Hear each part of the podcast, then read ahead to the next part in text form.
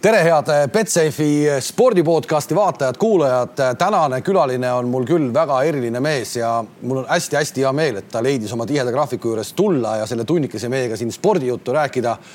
see on siis mm hõbedamees Magnus Kirt, mitte maailmameister. mitte maailmameister, tere. kuule, sa oled Eesti eelmise aasta aastasportlane, kaks tuhat kaheksateist, sa oled äh, visanud oda see aasta kaks korda üle üheksakümne meetri, sa oled teemantliiga võitja, sa oled mm hõbe. Kui palju sul tänaval tullakse juurde ja öeldakse sulle Magnuse asemel Margus? E-, eks tuleb ette, tuleb ette, tuleb ette päris, kusjuures naljakas äh, seik oli sellega, käisime Jüri Ratase juures äh, nii-öelda vastuvõtul ja siis all oli turva, turvatädi ja ütles, et ei, mul sinu passi ei ole et vaja, et ma tean, et sa oled küll Margus nagu. et niisugused, niisugused asjad ikka tuleb ette küll, et. ehk miks sa arvad, miks see niimoodi on, et sa tegelikult ju ei käi liiga palju igasugustel üritustel, sinust, sinust ei ole väga võimalik lugeda liiga palju erinevaid artikleid.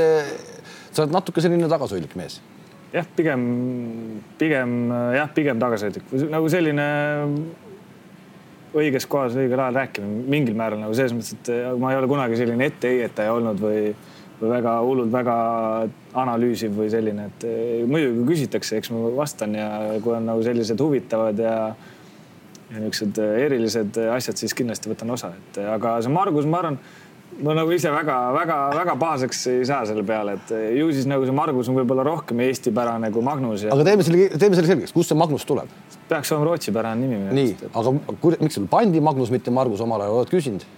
ma arvan lihtsalt see, kuidas äh, emale-isale meeldis, et, et seal oli sõelakausil oli veel igasuguseid. näiteks? Äh, Kaspar oli ja Jasper oli ja siis Joonatan oli ja ma neid nagu mäletan, et siis tegigi nalja, et paneme siis need kõik kolm, aga, aga lõpuks kuidagi tuli see Magnus jah kuskilt esile sa oled äh, nii vähe jälle, kui neid intervjuusid on sinu kohta lugeda, siis äh, isa eeskuju on sul täiesti äh, igast poolt kõlab läbi, nii sinul kui Jõel on isa eeskuju on meeletu.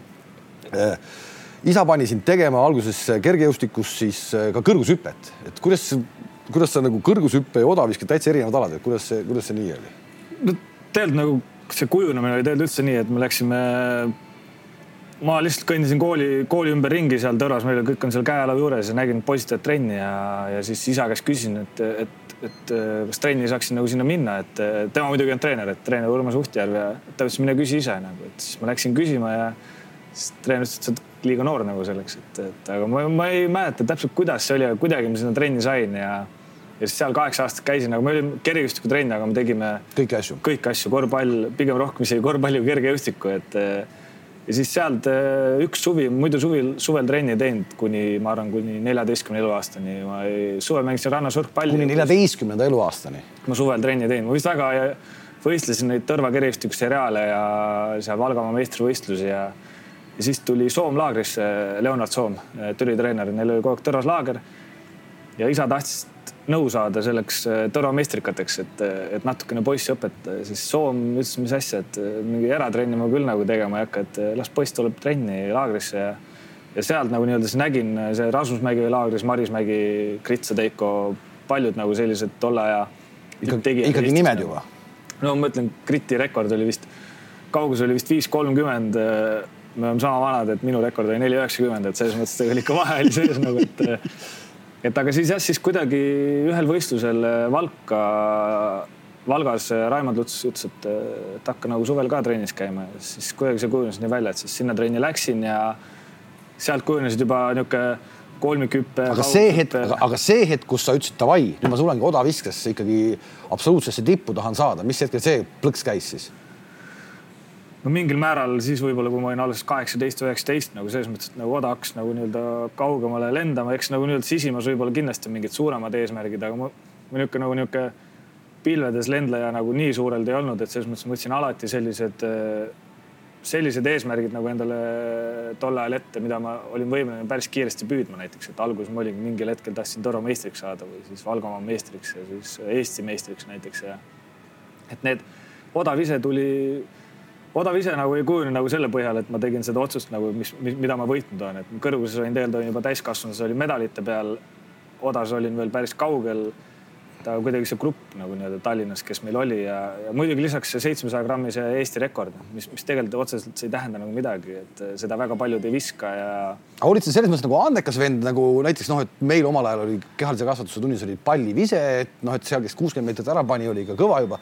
sa palliviset, kas teie ajal üldse enam? ja tehti, tehti. palju sa panid palliviset kooli ajal lihtsalt? viiendas või kuuendas klassis viskasin seitsekümmend kolm. seitsekümmend kolm, viiendas, kuuendas klassis? võtame Tanel Laanmäe kuuendas klassis, ma viskas kuradi sinna Tõras sinna metsa välikäibla taha, et. oli ka? et jah, et. ehk aga midagi, aga midagi sul ikkagi oli nii-öelda olemas sees ka, päris igaüks seitsekümmend kolm ei viska. ei muidugi, eks mul neid, neid kive, kive ja asju loopida on nagu väikest peale meeldinud, eks sellega nagu niisugused eba, niisuguseid, niisuguseid väikseid probleeme ka isegi. saunaaknaid, kasvuhooneklaase. niisuguseid asju on ikka juhtunud ja ma, ma ei usu, et ma nagu väga andeks olin, pigem võib-olla niisugune, ma olen alati olnud selline hea tehnilise tunnetusega ja aga füüsiliselt äh, ebareaalselt nõrk, nagu ma ütlesingi, et see kauguse tulemus kasvõi võrreldes Kritiga näiteks, et et see füüsiline mul ikka võttis aega, et see tuleks järgi.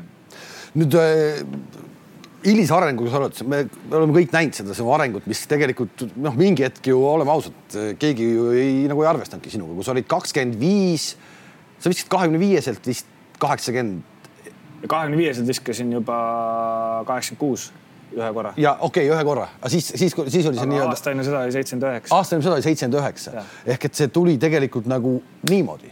nüüd sa panid see aasta üle kümne võistluse, üle kaheksakümne viie, no kaheksakümmend viis on, oli nii käe sees, kui üldse võimalik oli. et kuidas, millega sa seda seletad, on see ainult Indrek Tustit või mis asi see on? ei, see on kindlasti treenerid ka ja kindlasti Indrek Tustit ja kindlasti kõik need, kõik eelnevad, kõik eelnevad etapid, mis elus käinud on. mingil määral ma usun mis on olnud märgiline nagu just selle, selle näol, et ma viimased kolm aastat hästi stabiilne on olnud, on see, et ma olen saanud tähelepanu ainult endale nagu selles mõttes, et eh, enne me treenisime koos Ristoga, Risto Mätasega, mis oli ka super kogemus ja väga hea treener, aga, aga ma olin tol hetkel ikkagi, Risto ise ka võistles ja ma olin nagu selline, kes, kes sai tähelepanu.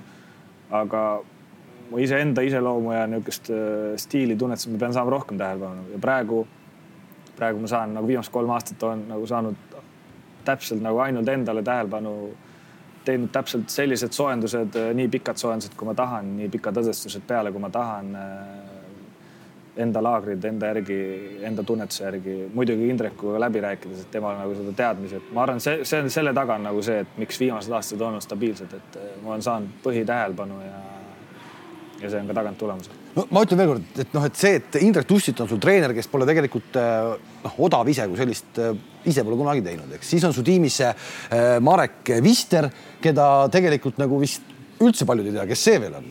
no tegelikult ma ütlen, et meid vaatab ikkagi päris mitu tuhat inimest ja ma arvan, et ei teata, kes see vend on. Marek Vister on lapsepõlvesõber selles mõttes, et just see ongi väga tähtis, et ta on lapsepõlvesõber, me oleme kasvanud üles väiksest. mis ta, mille eest tema hoolitseb sinu tiimis? Tema hoiab asju, üritab hoida nagu asju tasakaalus ja tema on nagu see, kes. nagu manageri stiilis või? mingil määral tema nagu võistluste manager, mitte võistluste manager, sorry, et Aivar, Aivar äh, Karatam on võistluste manager ja tema on nagu see, kes aitab seda eelarvet kokku saada ja ja seda probleemi lahendada ja tema on nagu see, kes siis, kui Indrek näiteks on kuskil turniiridel, siis Indrek saadab plaani ja ütleb talle sõnad edasi, et äh, peab jälgima mingit näiteks enesetunnet, mida võib-olla vahepeal ei tahtnud nagu kuulata, et äh, rassisid ja rassisid, et selles mõttes, et tema nagu oskab siis Indreku nõuannete järgi pidurit tõmmata.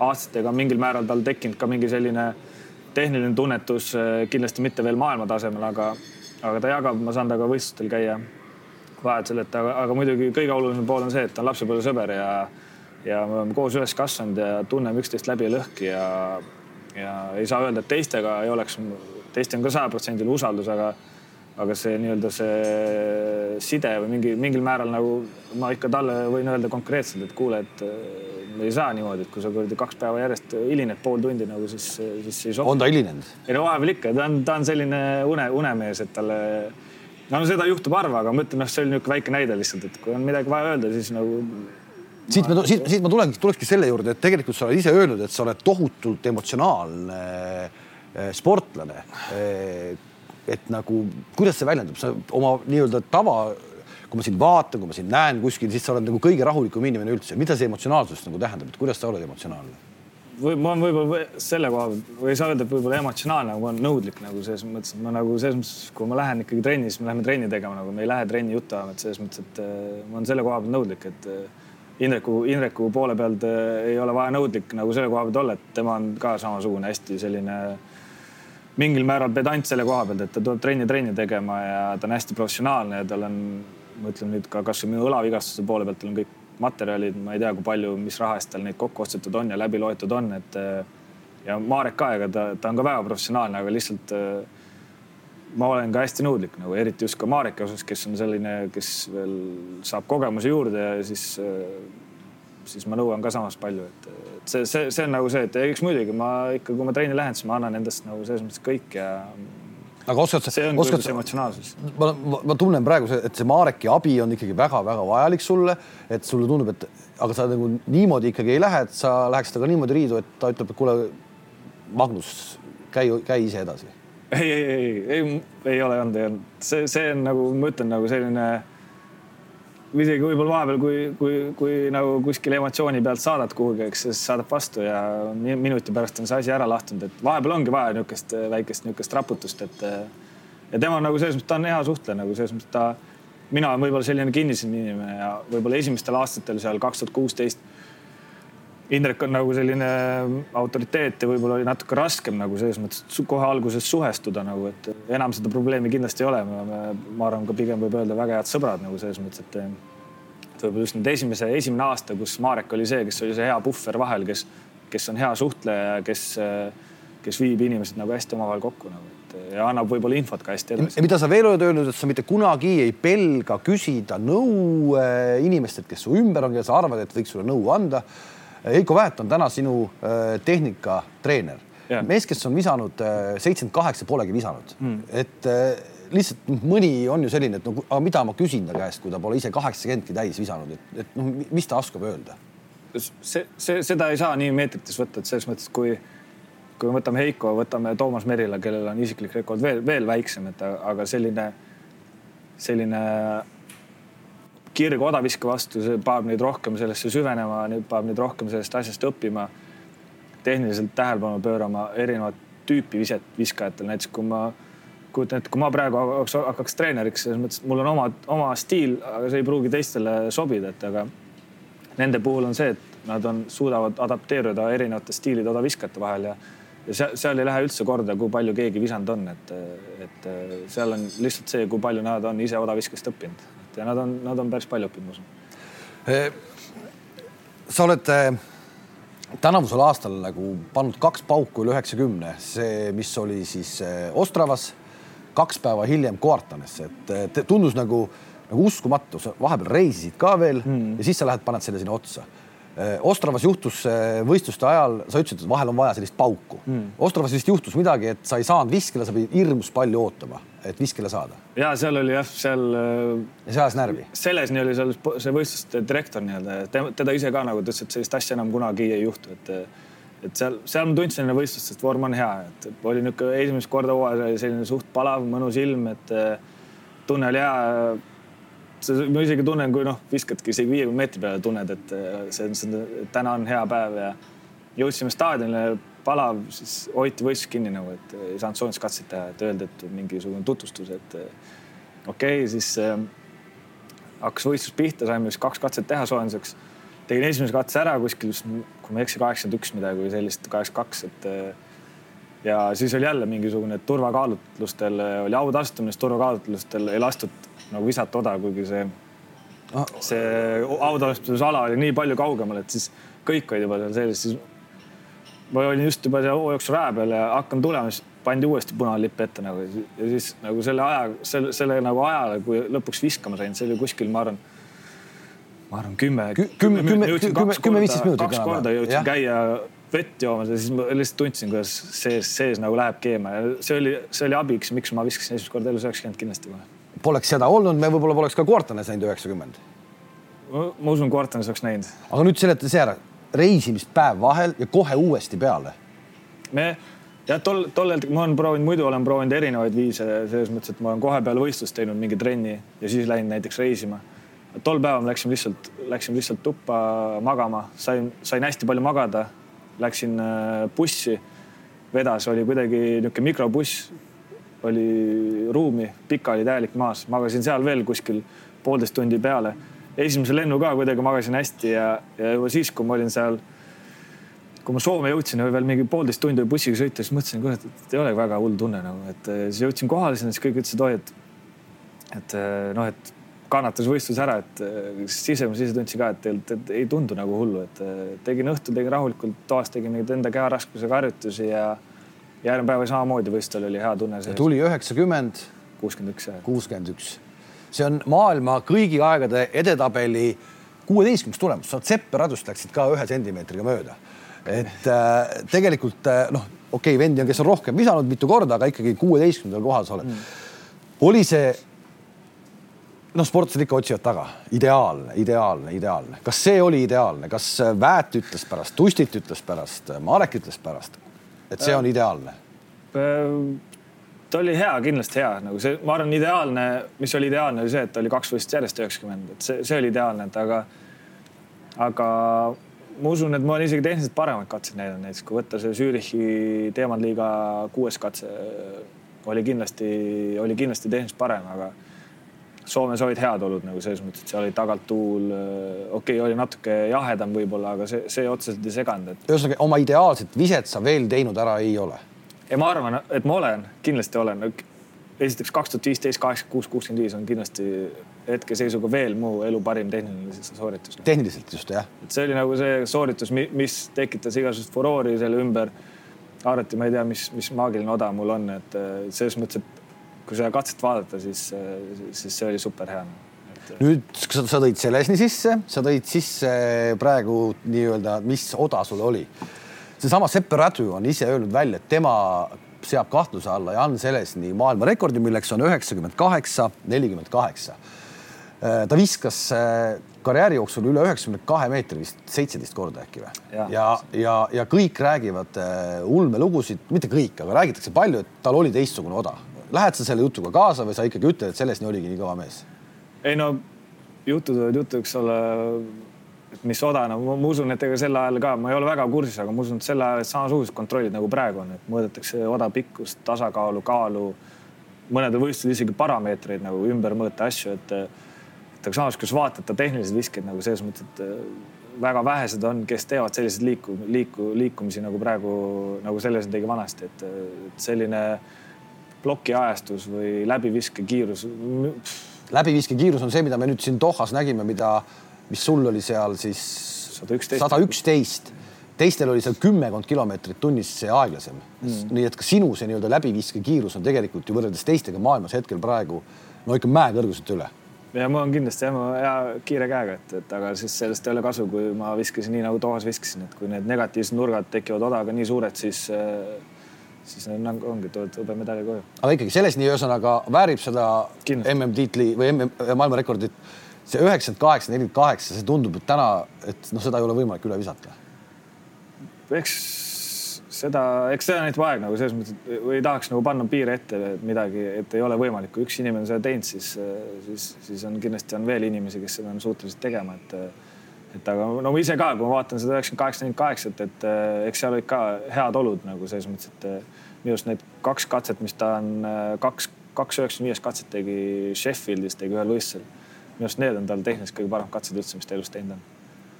nii, ja nüüd, kui me võtame praegu sinu tipuaja, kus sa praegu oled tipus, siis võimegi ju öelda minu arust, et, et Oda viskas vahepeal nagu kuidagi oli, äh, oli selline nagu, nagu nukram aeg, ei tulnud selliseid üheksakümneseid. nüüd on Saksa poisse kolm tükki, kes on pannud viimase kahe aasta jooksul sellise mm. üheksakümne mm.. on seesama Taipei poiss, kes virutas üle üheksakümne mm.. nüüd oled sina üle üheksakümne. millega sa seletad seda, et, et, et järsku tekkis mingi plejaad? paneme sellesama leeduka sinna juurde veel, et pani ju ka napilt alla, alla üheksakümne mm.. no see vist oli natuke selline anomaalia ka, et see noh No, see, tal on jah, praegu see kõikumine nagu nii-öelda suur, aga selles mõttes ma olen ise täpselt sama tee läbi käinud, et mis tema praegu käib, et ta on ka noor ja mul see, kui kaheksakümmend kuus istusin, panin ka peale kaks korda seitsekümmend kaheksa veel, et, et see on nagu normaalne, et aga, aga ma arvan, see odaviske tase.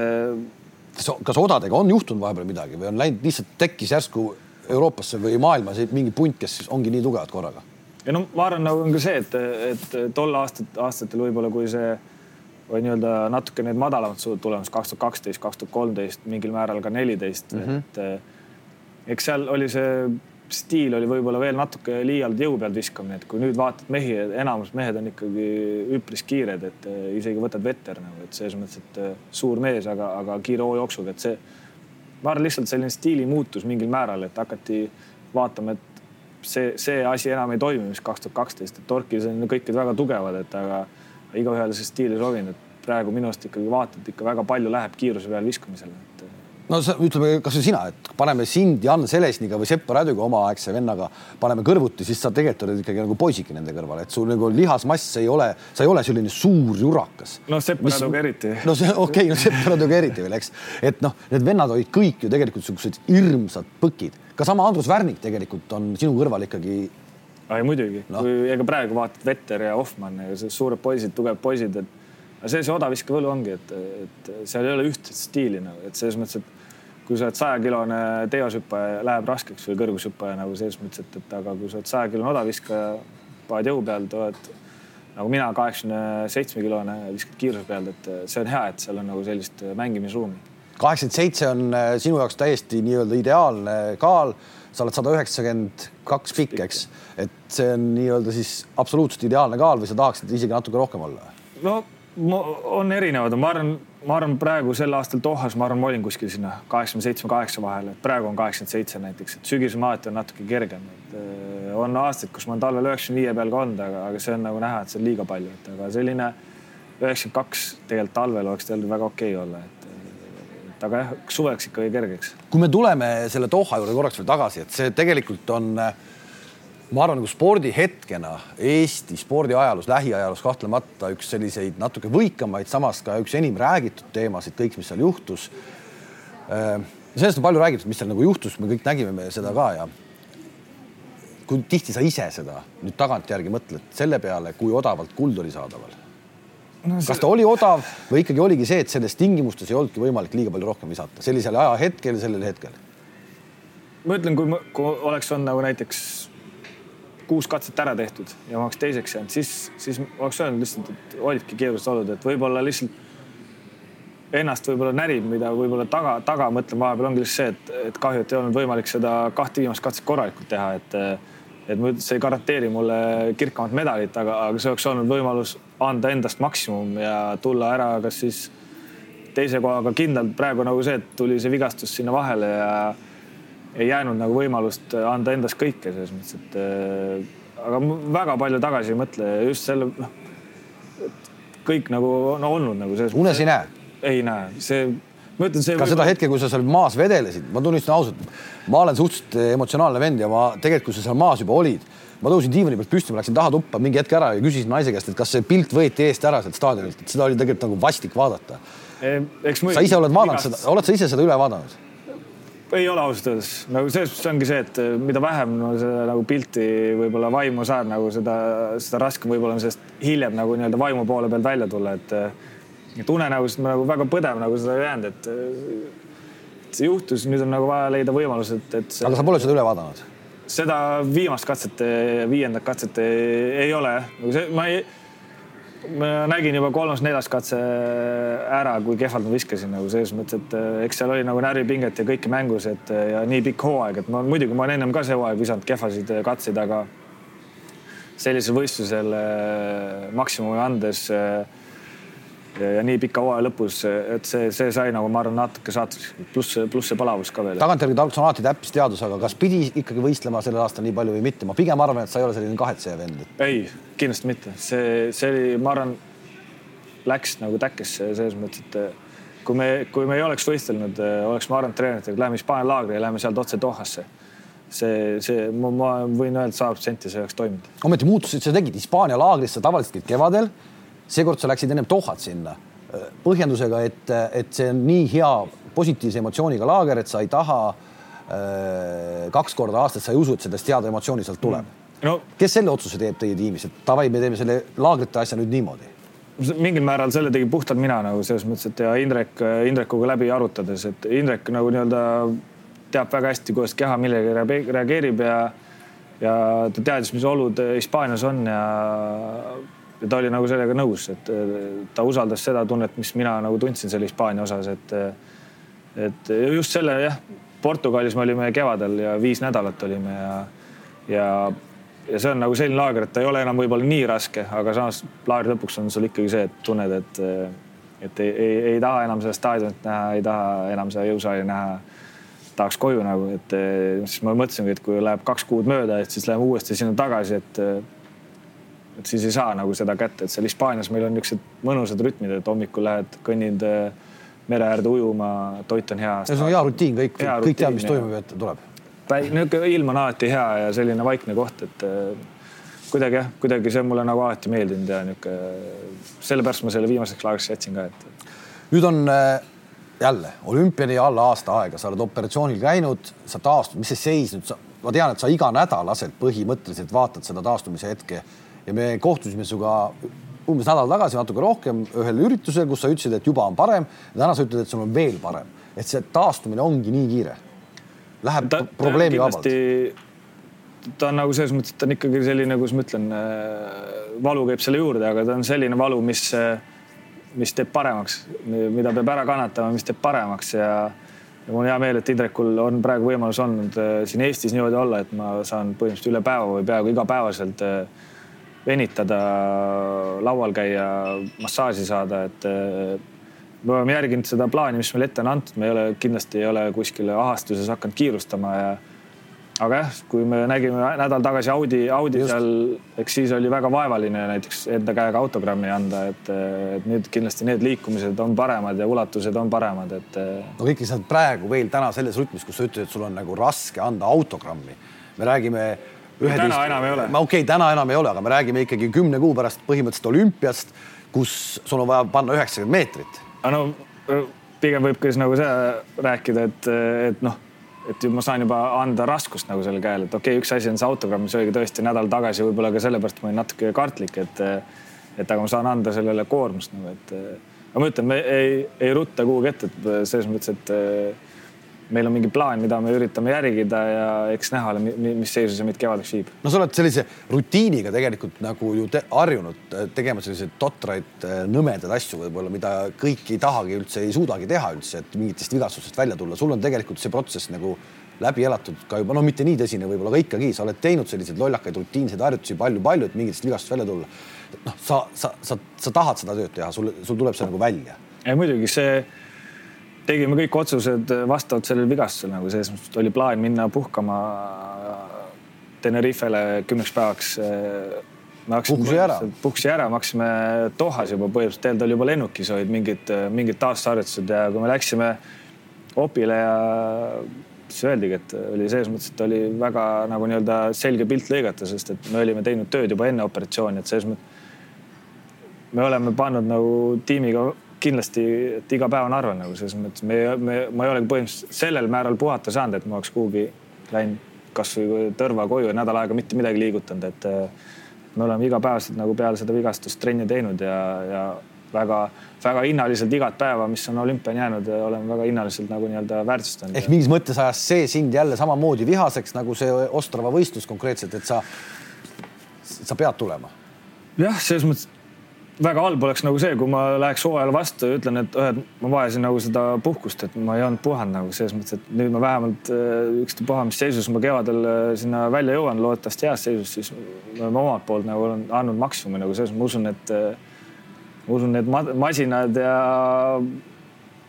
massaažid ja harjutused ja need kordused, ma usun, et neid on väga raske kellelgi rohkem teha, kui me oleme teinud. täna on kuupäev paigas, mis hetkel sa esimest korda oda proovid?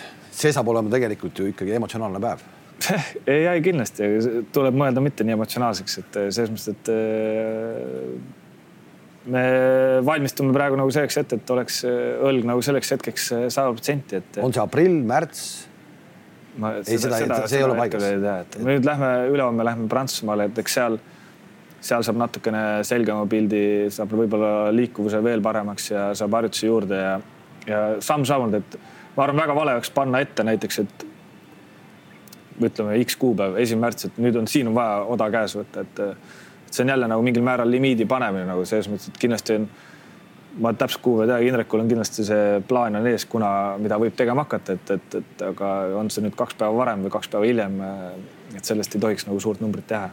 täna sa oled äh, medali omanik, sul on, ma arvan, eelarve täitmisega, mis su eelarve üldse on üheks hooajaks täna ikkagi täiesti tipus olles, mis su eelarve on, aasta eelarve? number numbrilt ma otseselt ausalt ei oska täpselt öelda, seda teab Marek nagu paremini, et, et aga ma arvan, ta jääb kuhugi sinna.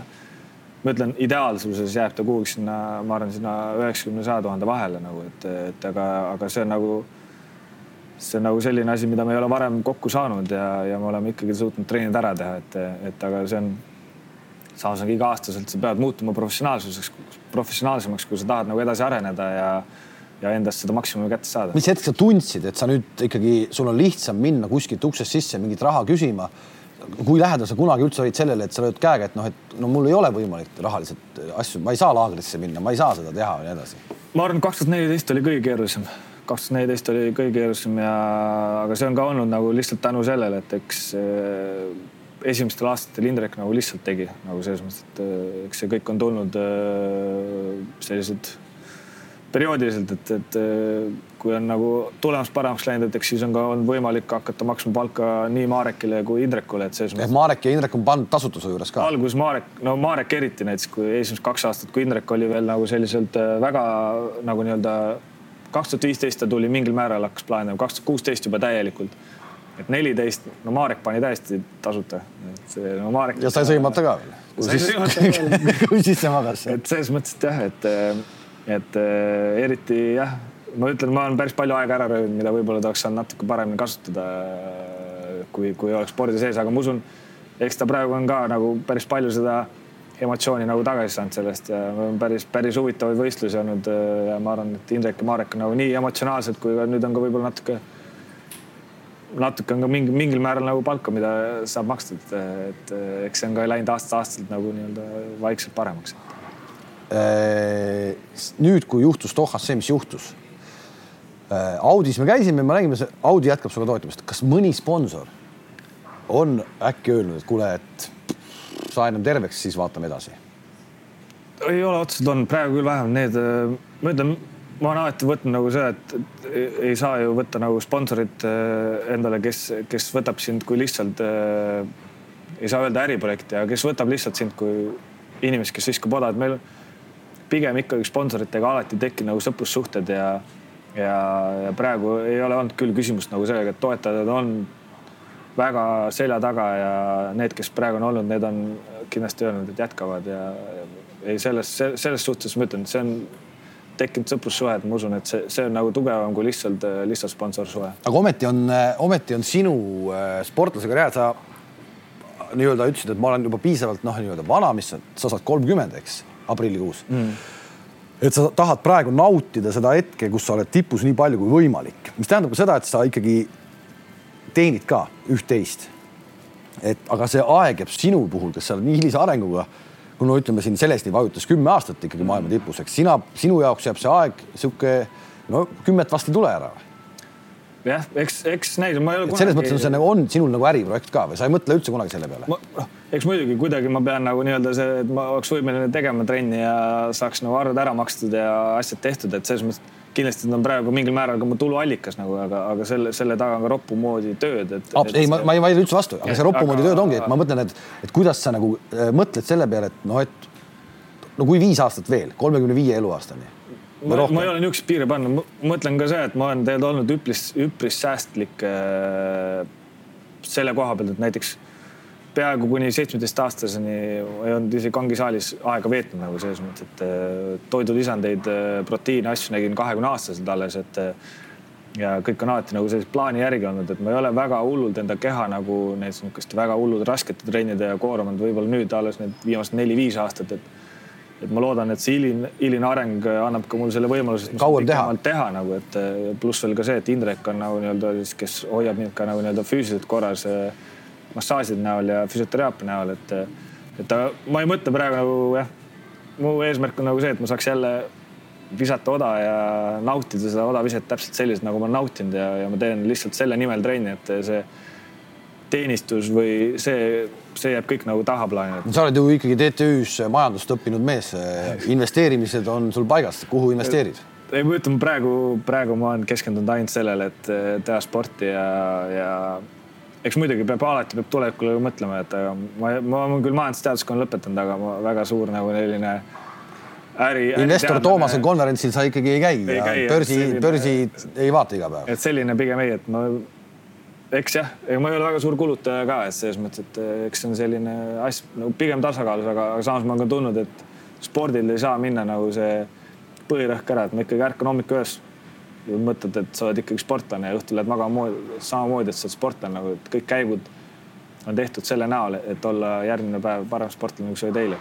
sa oled äh, hästi ladusa jutuga äh, ja siis on alati jutt sellest nii-öelda sportlane ja sportlane, et sportlased ei oska rääkida. sa, sa hästi ladusalt räägid, mis su nagu hobid on, kui sa nagu sporti ei tee, et mis sa, mis sa nagu teed no,? Kui ausalt ütlen, ega, ega mingil määral hobid on ka spordiga seotud, et selles mõttes, et kui, kui tervis on lubanud, siis ma olen väga suur korvpallifänn ja, ja just nagu mängimise poole pealt, et tulemustel olen ka silma peal, aga selline NBA vend ma ei ole, et ma öösel nagu unetunde, nagu ma olen kuulnud, et Gerd on selles mõttes, et, et oligi vanasti, et tegi natuke hiljem siis hommikuse trenni, et saaks, tema on ikka väga suur fänn nagu, et ja ma vaatan tulemusi ja asju, et hobid on ka pigem olnud sellised spordisisesed eks muidugi mingil määral vahepeal midagi meeldib lugeda, filme vaadata, ringi kuskil käia, kasvõi Eestis, et, et aga ma jah, kus päris palju küsitakse seda hobide juttu, et siis ma hakkan mõtlema, et ega tegelikult mingil määral on hobid ka seotud kõik spordiga, et ega see odav ise on ka tegelikult ju asi, mida. ühesõnaga kalal ei käi. ei, kala olen käinud ikka kalal ikka, aga samas ei ole kõige edukam olnud nagu selles asjas kõike peab tegema ikkagi pühendumisega, et nii-öelda üks asi korraga, et, et kõigepealt sport ja siis kõik muud jutud. tuleme korra selle juurde, et kui sa tulid Dohast tagasi mm hõbedaga, siis mees, kes kunagi ei jäta ütlemata, kui võimalus on, kui antakse, ehk Andrus Värnik ütles, et noh, tore küll, aga maailmameister ta ei ole. jälle pool Eestit, kes seda kommentaari kuulis, kuidagi nagu solvus, et Värnik, mida sa paugutad, onju, siis kui hinge sa seda võtad? Ei võta üldse, ma võtan, see, see on, see on tõsi nagu selles mõttes, see tuleb eneseuhkus alla suruda ja, ja võtta seda kui tõene nagu selles mõttes täpselt, tal on tiitel, mul ei ole, et selles mõttes kindlasti on. kuigi Eesti rekord on jõuliselt sinu käes, aga, aga ikkagi, ta on maailmameister. tema on maailmameister jah. ja see, see maksab. et tema on MM-hõbe ka, et selles mõttes tal on kaks MM-medalit, et kindlasti, kindlasti tiitlid loevad nagu, nagu, nagu ta ise on ka öelnud ja Andrusega sa tegelikult oled ju äh, ka koostööd teinud, ta käis ju sealsamas Hispaania laagris sinuga kaasas kunagi mm. ja miks sa võtsid sinna kaasa? tol hetkel oli see ausalt öeldes Aivari, Aivar Karotamäe plaan nagu ja selles mõttes, et sellel on võib-olla viltu ei vaadanud, aga Marekiga omavahel rääkisime, et et kas sellest tuleb mingi nagu nali nagu no,, natuke skeptiline olin alguses võib-olla, et, et aga kui vend kohale jõudis ja trenni hakkasime tegema, siis äh, siis äh, tol hetkel äh, selles mõttes me olime väga positiivselt üllatunud, et vend oli viisteist minti alati enne trenni, ootas Alfo ees. Äh, tegi ise trenni nagu hull, kui jõusaalis käisime ja toetas seal igatpidi ja, ja ka tehnikatrennides, et selles mõttes, et ta oli, oli näha nagu tol hetkel ta tundis ennast seal laagris nagu selles mõttes mugavalt ennast. ehk teda oli vaja? teda oli tol hetkel kindlasti vaja nagu selles mõttes, et ta oli ta. ja, ja ta, ja, ja ta, ja ta võiks ju tegelikult oma teadmisi, asju edasi anda ka täna, miks mitte onju. kui odaviskajad, praegused odaviskajad, äh, kes Eestis on nagu ma, ma ei näe üldse probleemi, miks ei võiks tema käest nagu natuke nõu küsida, et just võib-olla ka see, et kuidas tema mingiteks asjadeks valmistus nõu. ja ma ka alati igalt poolt üritan mingeid noppeid, noppeid nagu kellegi käest võtta ja, ja olen kuulanud, äh, mis tema tegi ja kus ta käis ja mis laagrit ta tegi ja et kuidas ta mõtles näiteks isegi või noh, niisugust asja alati nagu hea kuulata ja mine tea, äkki saad nagu noppeid ja äkki teised odaviskajad Eestis saavad noppeid nagu sellest. kui sa ütlesid, et su huvi on sport ja vaatad korvpalli, kindlasti noh, Eestis on kergejõustik ja noh, nii-öelda ja, ja suusatamine ka, et noh, me täna kõik teame, mis selle suusatamisega juhtunud on äh,. päris kurb.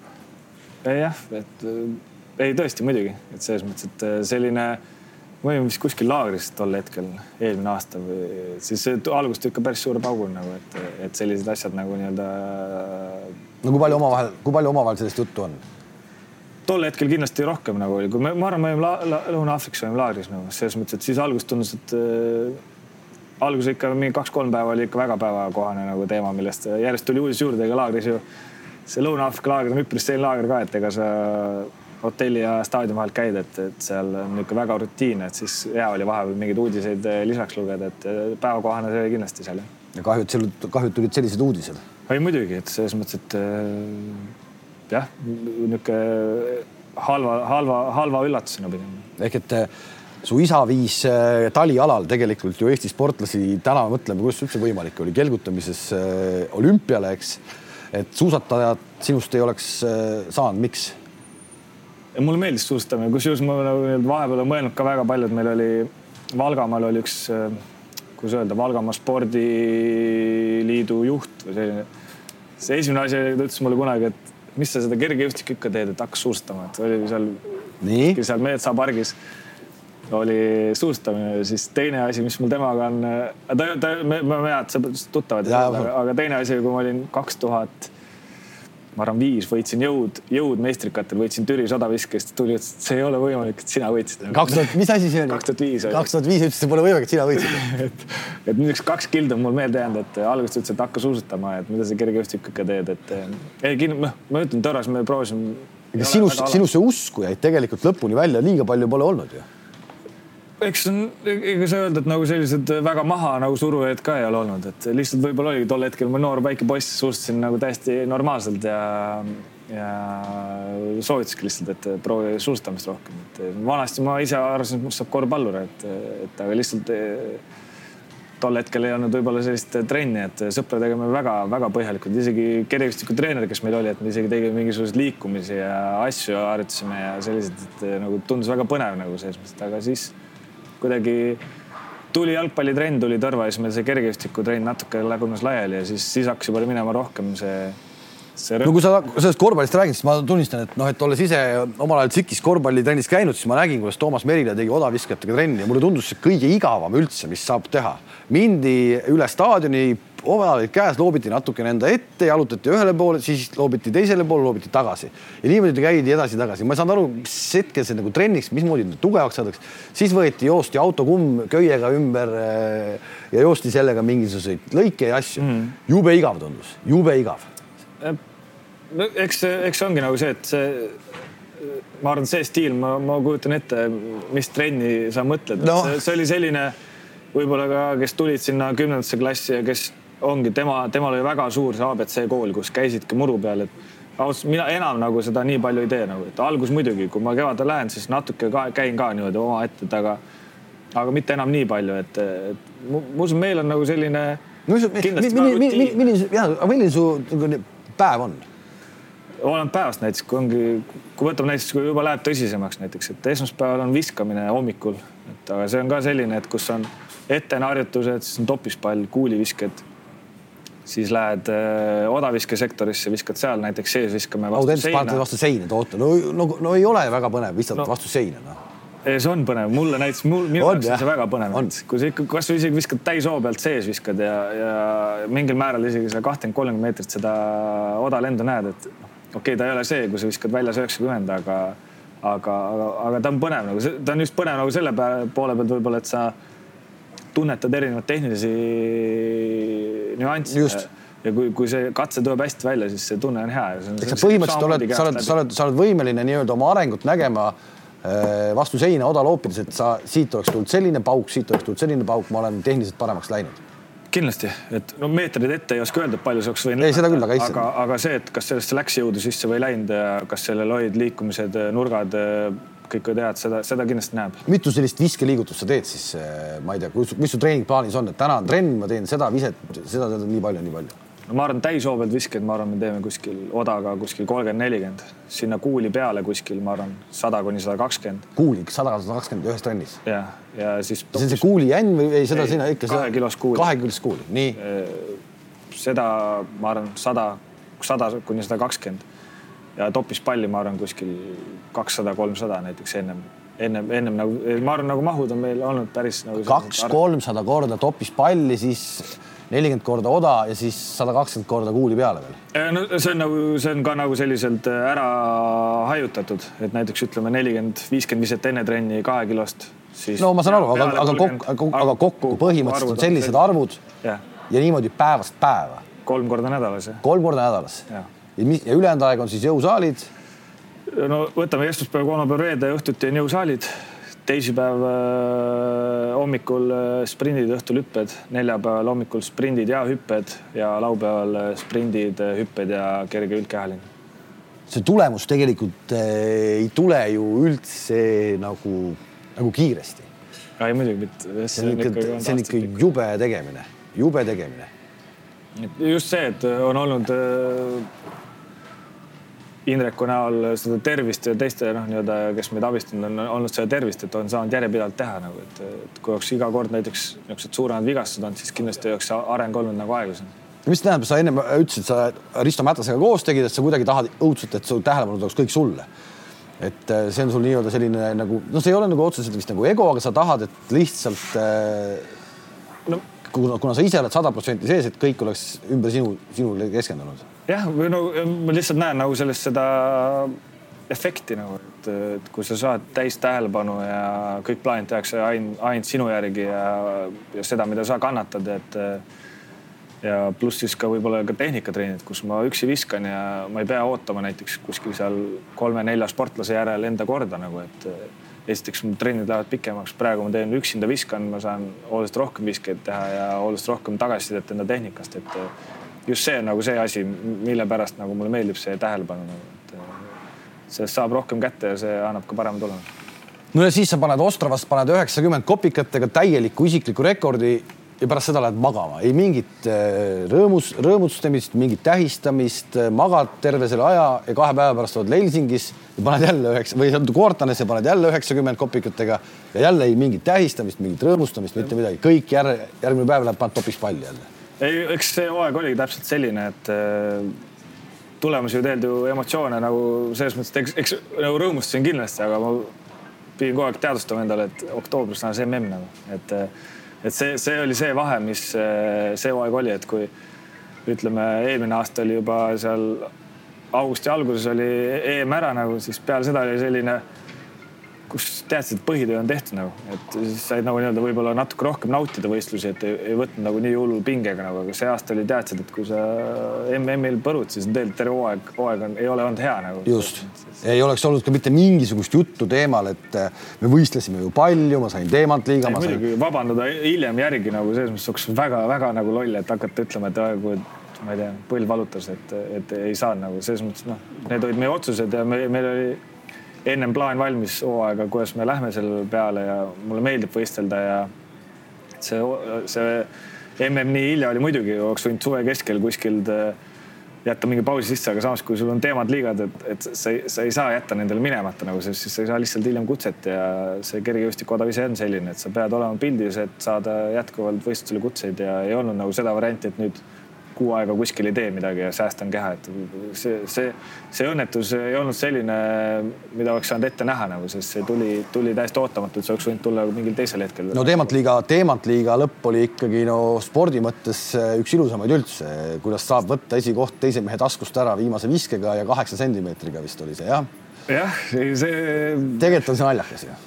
see teeb tuju heaks küll ta, tema võttis Birminghamis minult äh, teise koha ära viimase katsega, et siis äh, see oli väike revanš, et äh, siis aga noh, too võistlus oli tunda ka, et ma vist kas kahe, kaks, ei kolm või neli korda viskasin kaheksakümmend viis tol võistlusel, et noh, tunned, et ükstapuha, kus viskad, et kaheksakümmend viis, nagu seda tunnet ei ole, et nüüd saab pihta, et, et siis õnneks see viimasel nagu nii-öelda siis sain tehniliselt sellise katse, milleks ma olin valmis ja mis oli nagu tolle päeva õiglane tulemus, usun oli sul tegelikult, äh, ma saan aru, kui sa nii, nii punktuaalselt ja nii täpselt neid asju teed, sul oli tegelikult äh, plaan kõik juba nii-öelda paigas ka järgmiseks aastaks. juba ennem Dohat oli sul tegelikult ju uue aasta plaanid, kus, mis laagrid, värgid, kõik oli paigas juba eks see mingi, mingil määral see laagrite rütm on, on, on paika loksunud aastatega, et me teame, et me nüüd detsembris lähme Lõuna-Aafrikasse ja, ja viimase laagri teeme, teeme arvatavasti kuskil seal Portugalis, Hispaanias ja aga nüüd tuli natukene tuli asju nagu ümber mängida, et äh, me lähme ikkagi Lõuna-Aafrikasse, aga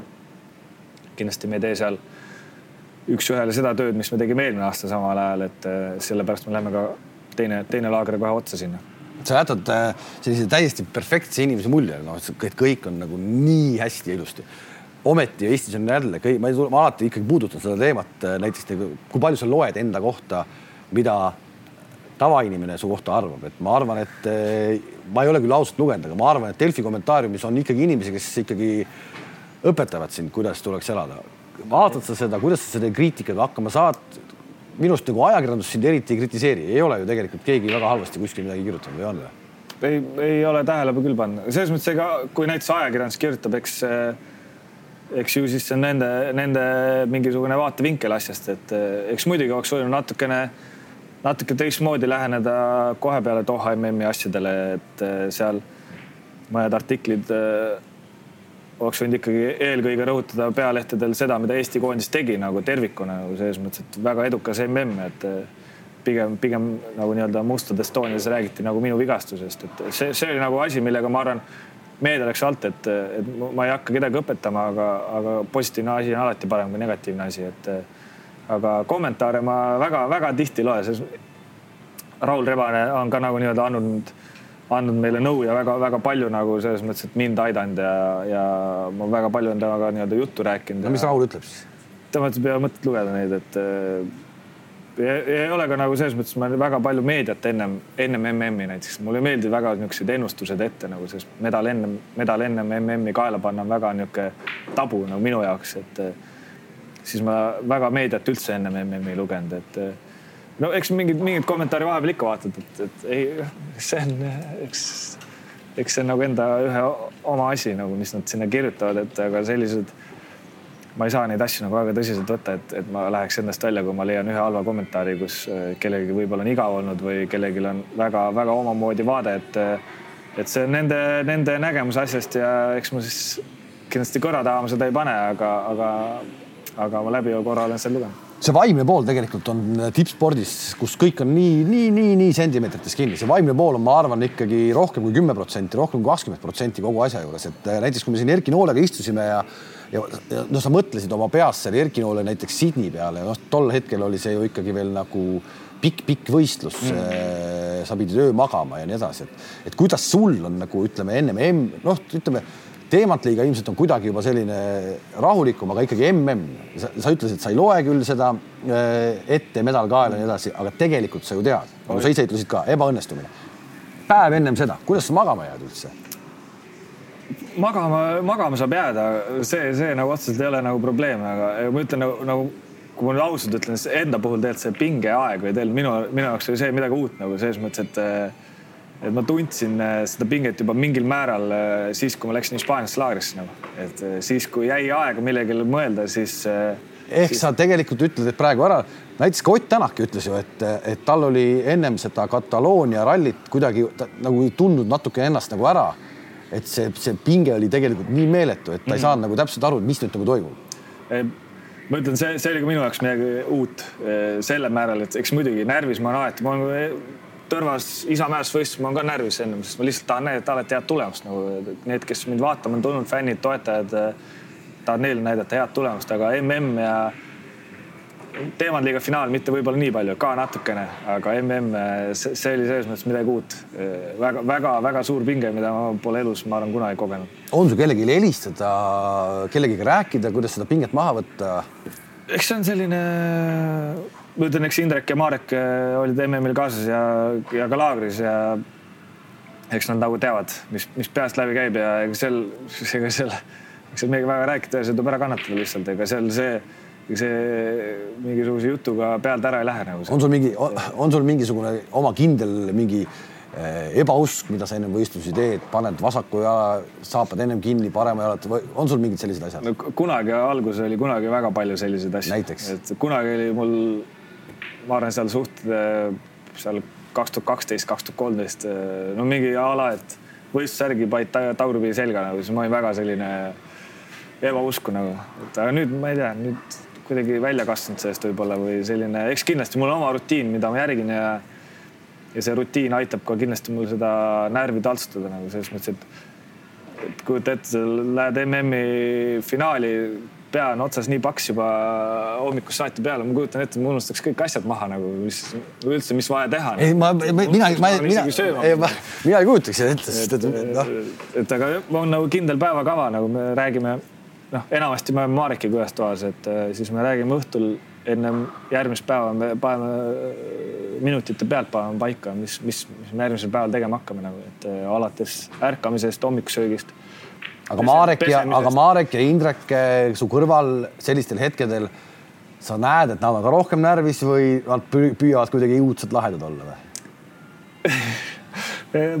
ei, pigem no Indrek on, Indrek on, Indrek on seda kogemust. kogemust on nii palju jah. mm, MM-finaali ajal ikka Marek natuke näost valge oli seal ääres seisis, aga see sel hetkel see pigem isegi pakub nagu nalja, kui vaatad, et teine vend on nagu isegi veel rohkem valgem näost kui sina ise oled, et siis see võib-olla isegi maandab nagu rohkem, aga no eks ta kunagi nagu nii-öelda võib närvis küll olla, aga nagu nad ikka pigem nagu kuskilt väga mingeid valesid liigutusi tegema, nad ei, nad ei saa väga teha valesid liigutusi, et nad lihtsalt teavad, et ega noh, nad ei ole keegi väga niisugused hullud lobisejad nagu, et siis lihtsalt enne võistlusi nad väga ei, ei lobise nagu seda, eriti Marek nagu, et eks ta muidu ikka räägib, aga, aga. ei no kui Marek ikka jätab midagi hotelli maha, siis no siis ei, noh, siis ei, ei ole hästi. tal ei ole väga nagu selliseid. Need, need asjad võiks maha või unustada, võin mina olla, et aga, aga nüüd sellega on niisugune. Kunga stiilis paljajalu sa ikkagi ei pea minema kuskile. enamasti jah eks see tulebki sellest rütmist võib-olla, et sa tead, äh, mis asjad sul olemas on, mis asjad on vaja kotti panna ja niisugused, äh, niisugune, see on nagu minu jaoks on see mingil määral nagu niisugune elu kergemaks tegemine ja riskide vähendamine nagu selles mõttes, et et ma olen kogenud küll nagu kasvõi kaks tuhat kuusteist, kui oli Amsterdami EM nagu selles mõttes, et äh, ma ei saanud aru võib-olla peaaegu, mis päevgi on nagu, ma unustasin kõik asjad ära nagu, et et sel hetkel ei olnud Indrekut ja Marekut ka võib-olla nii, nii hullult nagu nii-öelda kõrval, et et siis näha seitsekümmend neli meetrit ja. ehk tegelikult see, see peab ikkagi nii olema, et sul peab olema ümber need inimesed ära, kes nii-öelda kogu selle nii-öelda olme asja sul ära hoiavad eh, just nende võistluste ajal, et, eh, et sa, sa pead ainult keskenduma, et sa ei pea mõtlema selle peale, kus midagi on, et sul kõik ainult on selle peale, et sa saaks sooritada oma no, tulemust. nagu Dohas oli näiteks, et et oli hotellis, Indrek käis, vaatas eh, staadioni üle, mis tema jaoks oli lihtne, kus soojenduspäeval teha jõudu, kus teha kus teha jooksuharjutusi, ta tuli tagasi, tal oli juba nägemus, et me ei läinud kuhugi midagi otsima nagu eriti seal kuumas nagu ja Marek näiteks Dohas või ka mõnedel teistel võistlustel on see, kes siis odasid viib kaalumisse ja ja hoolitseb nagu nende asjade eest, aga nendega ka, võtame kasvõi Minski võistluse, kus me käisime, odad pidid jõudma reede lõunale, jõudsid laupäeva öösel nagu nii-öelda laupäeva varahommikul, et, et siis pead nendega tegelema, et, et kui ise sportlasena niisugust asja no siis on võimatu. noh, sõida edasi-tagasi kuskil kakskümmend, kolmkümmend kilomeetrit staadionite vahelt, et noh, lihtsalt raiskad niisugust äh, energiat, mida ei oleks vaja raisata aga mis sind äh, spordiväliselt närvi ajab, kui sa ikkagi nagu võistluste ajal oled ülimalt närvis, mida tegelikult küll ma ütlen, tunnistan, pealtnäha pole seda aru saada. ilmselt noh, ma ju tegelikult me näemegi sind väga nagu suhteliselt vähe nii-öelda päris elus ja niimoodi, aga pealtnäha pole aru saada, et sa närvis oleksid. siis kui ma staadioni juba jõuan, siis, ei ole, siis on kõik korras. siis on kõik juba üle, mul, mulle ei meeldi see ootamishetk võib-olla pigem, ma olen nagu tunnetanud, et nii kui ma hakkan juba sooja tegema, siis, siis on nagu kõik korras nagu. aga tavaelus, lihtsalt tavaelus, mis sind närvi ajab, konkreetselt sa ikkagi võidki ropendama hakata? ma ei, nii ei oska ka ma ei, ma ei usu, et väga-väga ei ole nagu selliseid asju, ma arvan. jälgid sa poliitilist elu, mis siin toimub? ei, väga ei taha. ei no eks muidugi silma peal ikka hoian, aga, aga ma ütlen, ma ei ole nagu spetsialist selle koha peal väga mingeid nõuandeid ja ma, ma pigem alati mõtlen, asjad võiks olla nagu see rahulikult kõik ideaalis võiks kõik omavahel läbi saada, inimesed võiks kõik olla omavahel sõbralikud, et eh, see võiks olla ideaal nagu, et, et, et. mida me kunagi see, ei saavuta. mida kunagi ei saavutata, et eks kemplemist ja asju ma, eks neid jääb ikka olema ja on ja tuleb, et, et mul ei ole nagu jah, kõige õigem selle koha pealt nagu suud lahti teha ja hakata ütlema, kuidas keegi peaks käituma, see oleks sama siis, kui kui ma ei võta omaks seda, mis kommentaatorid ütlevad minu kohta või kommentaariumis, et, et siis, siis ma töötaks endale vastu su isa on öelnud tegelikult äh, vist sulle, et, äh, et mitte kedagi ei koti su tulemused, kui sa ise oled äh, nõme vend, noh, enam-vähem niimoodi. ei muidugi, ei täpselt, täpselt suht täpselt niimoodi nagu, et. see on jäänud sulle külge? muidugi, et see noh, eelkõige ju peab ikkagi inimeseks jääma, aga see, et ükstapuha, mis tulemusi, ükstapuha, mis medaleid ma lõpuks karjääri lõpuks võidan nagu inimesena ei ole sellest nagu heaks inimeseks arenenud või selliseks tasakaalukaks, viisakaks, siis ei ole ju tegelikult seal pointi nagu, et äh, inimesed ikka mõtlevad, et kui tont nagu, et äh, pigem jah, nagu jääda kahe jalaga maa peale, nagu ei ole, ei ole põhjust, ei ole tulemusi, ei ole midagi sellist, mis, mis võiks lasta ninal pilvede kõrgusel tõusta. isa sul täna enam võistluseid ei näe. Äh, ta on nii sulle kui õele olnud ikkagi väga-väga tähtis inimene, et sa teed nüüd täna seda, mida mingil hetkel mulle tundus, et ka isa ise ei usu, et, et see on võimalik eks tema oli pigem alati selline optimist, aga, aga pigem niisugune karm optimist, et selles mõttes, et ega see, kui ikka kehvasti tegid, ega ta andis nagu selle mõiste ikka kohe ilusti sulle. ei jätnud ütlemata? ei jätnud muidugi ütlemata. ma väga-väga hästi mäletan, kaks tuhat kolmteist oli esimest korda elus, kui hakkasime kaks korda päevas trenni tegema. no eks palju, no ikka võib-olla kas tegime üle või, või, või ma ei tea, mis, aga hooaja alguses ei, ei olnud tulemused need, mille nimel trenni tegime, et siis siis kohe ära nagu, et, et, et see maha visatud aega, raha ja et, et eks tee omad järeldused nagu sellest, et see oli ka mingil määral. mul on seleta mul see optimism selles lauses ära, maha visatud aeg ja raha, et tee omad järeldused sellest. põhimõtteliselt ta ikkagi andis sulle mõista, et kuule davai, et siin on Tõrva pargis on vaja ikkagi pargivahti noh. ei, eks, eks ta lihtsalt, ei ta ei öelnud kunagi, et ta ära peaks lõpetama, ta ütles lihtsalt see, et järgmiseks hooajaks peab tegema omad nagu sellised ah, okay, korrektuurid ja et ta oli pigem alati nagu see, isegi kui tegid hea tulemuse, et alati kriitiline ja see võib-olla nagu ka mulle jääb nagu selles mõttes külge, et et äh, niisugused võib-olla lihtsalt mingid niisugused laused, mis jäävad kõrvu kõlama, et see, et, et alati midagi paremini teha nagu selles mõttes, et kunagi ei saa olla sellist asja, mida, millest ei saaks paremini teha nagu siis tema, tema ütlus selle kohta oli see, et siis oled lihtsalt laisaks jäänud, kui sa ei leia enam nagu nii-öelda asju, mis, mis, mis on vaja nagu paremaks teha, et saada parem tulemus. täna sa neid leiad, nagu sa ütlesid, sa tahad vähemalt veel viis pluss aastat olla äh, tipus, sa neid leiad. ikkagi üks päev see asi lõpeb ära äh,. sul on äh, TTÜ majandusteaduskonna lõpu töö on tegemata töö on tegemata. nii. ained on kõik tehtud. ained on tehtud, töö on tegemata. sa teed selle ära, mis sust saab? poliitikasse sa ilmselt sina ei lähe. ei, ei lähe. ega me sellist Jüri Jaansoni, Erki Noolt, äh, Kristina Šmiguni sinust ei tule ei, ei, ma ei usu jah poliitikasse, ma, ma ei ole ausalt öeldes väga mõelnudki, et eks muidugi ma tahaks äh, tahaks näiteks just nagu väikse kodukoha Tõrva, kindlasti ma ei, ei, ei pürgiks kuhugi Tallinnasse mingeid äh, mingeid eh, nõuandeid jagama, et aga näiteks niisuguse väikse kodukoha, kodukoha arengule kuidagi poliitikaväliselt eh, kasulik olla kindlasti nagu selles mõttes, et, et. ühesõnaga, ühesõnaga sa jääd Eestisse elama? kindlasti. sa ei lähe Eestist ära? ei, ei lähe, ei lähe. Lähed Tõrvasse tagasi? miks mitte, selles mõttes Tõrva, ma olen siiamaani Tõrva sisse kirjutatud ja ükski vägi ega number mind sellest Tõrvast nagu välja kirjutama ei ei pane, et selles mõttes, et ma olen väga patriootlik e-, eelkõige enda kodukoha poole pealt, et ja ma usun, et et senikaua, kuni ma elus olen, ma arvan, senikaua on ka mingil määral ma jään nagu seotuks sellega. kardad sa seda päeva, kui, kui, kui ongi see päev käes, et nüüd on kõik, et ma pean hakkama midagi muud tegema või sa täna ikkagi veel üldse selle peale ei mõtle? väga ei ole mõelnud, et selle peale see jah, ma, ma ei oska öelda aastaid. mõtle, sul kaovad, sul, sul kaovad ju kõik ümbert ära, sind ei kutsuta enam kuskile, ehkki sa ei käi võib-olla igast üritustele, aga kutsutakse palju, ma kujutan ette. eks, eks kui me nagu nii-öelda. Audi võetakse ära eks ole, no kõik need jutud.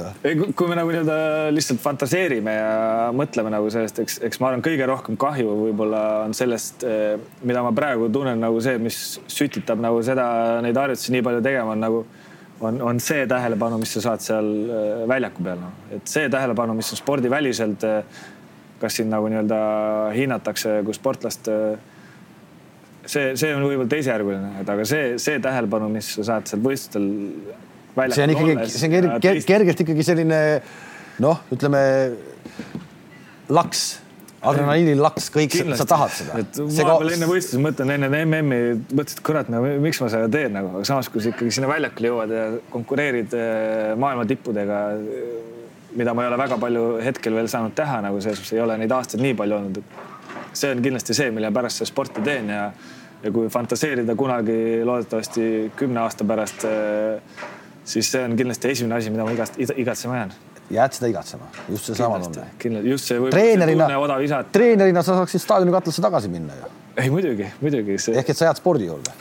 ma ei ole, ma ei ole mõelnud nagu, nagu ma ütlesin ka sulle, et miks ma võtan näiteks äh, nõuandeid Heikolt ja Toomas Merilalt äh, väga suuresti, sest nad on head treenerid, aga see, et kui ma viskan üle üheksakümne meetri, see ei tee minust head treenerit veel, et treeneril peab olema selline mingisugune nüanss nagu et mis, mis eristab teda kui sportlasest nagu, et eh, see, ma, ma ei no,. see on, see on, see kahtlemata, ei, see on aga..., see on, see on hästi huvitav teema, et, et see on see pedagoogika pool ja see on see autoriteet. no autoriteedi ja. osas ilmselt täna juba, juba täna ei ole probleemi. sul see on olemas täna kindlasti juba. aga jah, teine, teine asi on võib-olla siis see pedagoogiline pool, pool, et eh, okei okay,, kui ma saan võib-olla valmis sportlase, siis on võib-olla natuke lihtsam, aga kui ma hakkan sellisest nooremast sportlasest peale, siis, siis äh, mitte kannatust, vaid mul ei ole ka oskusi, kindlasti ei ole oskusi, et ma, ma jään kindlasti jätta ja ma, ma ütlen, et ega treener olla ei ole oluliselt kergem kui, kui sportlane olla, et mõlemad on väga-väga rasked ametid. Sa täna isegi veel ei tea, millal seda nii-öelda lõpetad värki ja veel, kus sa oled kolmekümne, ma ei hakka mingit pinget peale panema, aga lapsi ka ei ole. kas sa oma, oma poisile või tüdrukule, kui nad kunagi tulevad, ütled kohe ära, et sport on see tee, mida tuleb teha?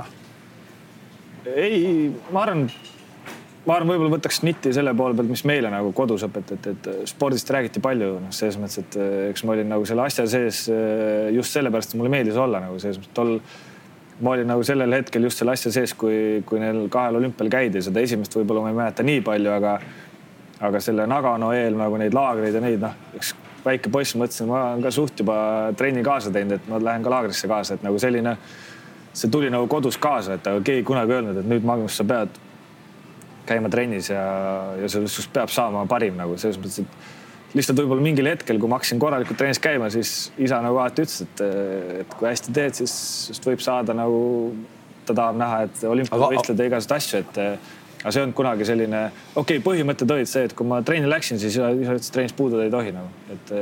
ja väidetavalt sa pole mitte kunagi trennist puudunud, mitte kunagi slangi mõttes kindlasti mitte, et äh, jah, kui võib-olla ma ei no, tea. ütleme haiguse mõttes, aga. natuke tõbin olin, siis ma pidin ikkagi trenni kohale minema, kasvõi niisama vaatama nagu, et see oli nagu see, see oli selles mõttes, see oli karm nagu, et see selle koha pealt oli asjad paigas, et kui valisid selle, et hakkasid trennis käima, siis.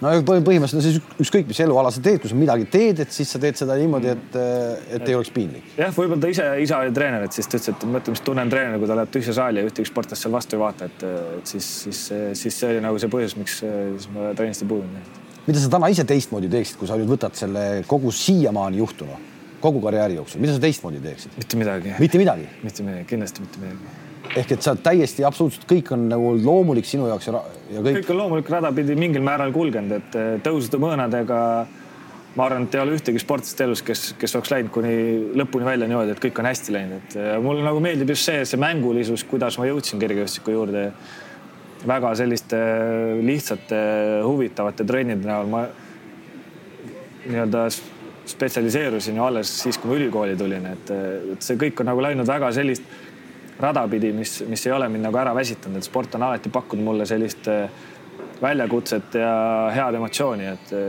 ma arvan, sellepärast ma ei muudaks ka midagi. lapsed peavad sporti tegema?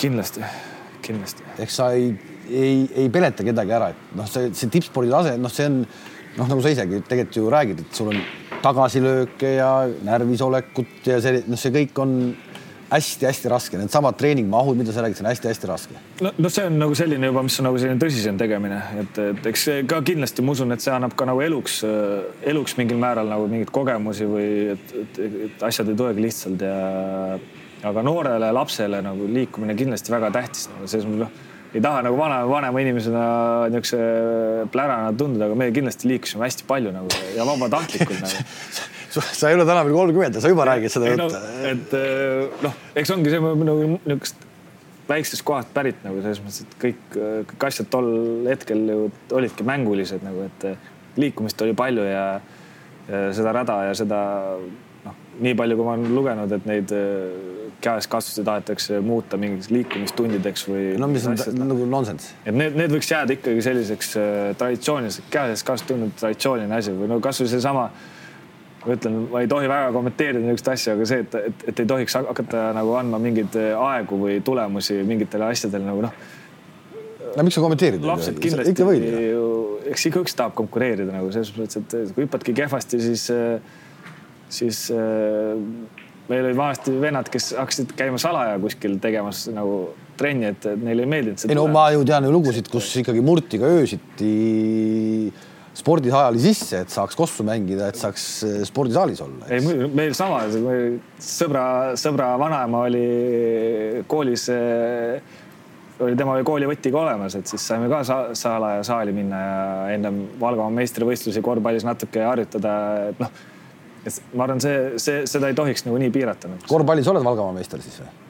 Ja koolide vahelisel jah. oled jah? nii et sul on ikkagi korvpallis ka meistritiitel käes? ja Tanel Laanmäe oli ka kusjuures tiimis siis. ja sa mängisid, mis positsiooni sa mängisid siis? täna sa oled sada üheksakümmend kaks põhimõtteliselt mängujuhi koha peal või? ei, ei siis ma olin lühike ikka, siis ma olin no,. mängujuht ongi tol hetkel. no ei, no otseselt mängujuht võib-olla ei olnud, me mängisime, meil on niisuguseid positsiooninumbreid, ma ütlen ausalt, mina neid, neid väga hästi ei jaga nagu, et selles mõttes me, me olime kui ma mängisin maa-ala, siis ma ikkagi olin seal kolmese joone lähedal ja mängisin eespool nagu, et, et äh, olin pigem see, kes kiirrünnakusse läks ja pigem nagu sinna korvi alla ei trüginud. ja kolmes oled kotti pannud ka mängu ajal? ikka jah. ikka jah. ühesõnaga korvpall on sul, kui see, kui sul ei oleks olnud äh, odaviskaja, kui sa ei oleks nagu ütleme sportlane olnud, oled sa üldse kunagi mõelnud selle peale, kes sa üldse oleks võinud olla siis, kes sa oleks võinud olla? ma nii ei ole mõelnud ma ei ole, ei ole nagu, ei ole, ei ole olnud põhjust nii mõelda nagu selles mõttes, et eks, eks kindlasti kaks tuhat neliteist oli väga selline valikute aasta nagu, et, et, et oli võimalus, kas lähedki, kolid Torro tagasi ja siis oled nagu nii-öelda siis teedeehituse vallas või siis, või siis teed sporti nagu, et et, et, et ega kindlasti jah, alati on ikkagi pigem esikohal sport jäänud mul on väga hea meel, et sa tulid, Magnus, ja, ja tegelikult ka äh,. mis sa ütled neile, kes ütlevad, et sa ei saa olümpiale? täna on Eestis neid, kes ütlevad, et sa olümpiale ei saa. eks vaatame, eks, eks kevad näitab. sa oled jube rahulik selle koha pealt. kui ma oleks. sa täna, sa täna teed, täna teed, ma ei tea, kolmekilose antliga teed, eks, mingeid liigutusi, mis on tegelikult ju noh, lapse mäng. ja sa pead olema kümne kuu pärast olümpial eks, eks ma ütlen, siin mingeid veksleid õhku loppida ei, ei tasu nagu selles mõttes, et aeg on nagu piiratud äh, olümpial ukse ees, et aga kui praegu väga närviliselt selle peale mõelda, siis ma arvan, see rikuks kogu selle protsessi nagu ära, et, et eks kevad näitab, eks suvi näitab äh,. kui me räägime olümpiast nagu siis siis kindlasti sinna ette ei saa olla öelda, et see, et esimene start on olümpia, ma loodan, et meil on nagu nii-öelda, kui kõik läheb hästi, siis me oleme võimelised ka ennem paar starti tegema, et me ei läheks lihtsalt sinna koha peale, et et aga ma ütlen, seda näitab aeg ja et eks siis kevadel ole näha, kes, kes, kellel õigus, kel mitte. milline, lihtsalt korra küsin, milline on su viis, kõige suurem hirm üldse elus, et äh, on see spordiga seotud, on see millega seotud, mida sa kardad üldse, sa jätad hästi sellise enesekindla mulje, et, et, et. ma, ma ei oska, ma ei, ei taha nagu karta seda, mida ei ole olnud nagu selles mõttes, et eh, eks kindlasti igaühel on omad ebakindlused ja omad mõtted, ega ma arvan, keegi ei ole nagu hirmuvaba inimene nagu, eks, et aga sellised konkreetsed, eks, eks ma olen alati väga kriitiline oma suhtes, et kui ma võtan hooaega, võtan eest hooaega, siis ma olin väga igas laagris mõtlesin, et kurat, et nagu ma ei ole üldse nagu heas vormis, aga noh aga mingil määral sa jällegi näed mõnda head treenid nagu kõik on nagu tegelikult sellised mõned treenid väsimuse pealt ja laagri lõpus noh, ikka tuleb mingit ebakindlust, aga, aga, aga siis, kui juba hooaeg pihta hakkab, üritan ikkagi olla pigem enesekindel, et töö nagu see, see enesekindlus loobki see, kui ma olen väga suure töö hulga ennem ära teinud, siis, siis ma tean, et tegelikult, tegelikult on nagu töö tehtud ja, ja vorm peaks olema hea aasta lõpus, aasta lõpp läheneb, eh, valitakse Eesti parimat sportlast jälle. hirmus aplaava käib selle ümber iga aasta, kes on, kes ei ole mm.. sa ei ole see aasta? või, või oled? ei, ma pigem jah, sest Ott on maailmameister, et, et ma, ma arvan pigem, et Ott on. ja sa ei ole selle peale kuri, sa ei jaluta saalist välja, ei pauguta uksi, et, et see nii läks ei, muidugi mitte, ma arvan, pigem võtta ikkagi see, et üldiselt Eesti spordil läheb hästi nagu selles mõttes, et eh, ma arvan, Eesti spordil oli üpris edukas aasta, kui me vaatame, kui palju medaleid võidetud ja kui palju on häid kohti saadud, et selles mõttes, et ma arvan, selle, selle üle kurjustada ei tohiks, et kui kellelgi hästi läheb. ei, seda kindlasti mitte. ja järgmine aasta on siis sinu aasta, kuna olümpia tuleb ja, ja, ja ootame sealt häid tulemusi. aitäh sulle ja, ja ole, ole tubli ja sama, sama vapper edasi aitäh! Kohtumiseni teiega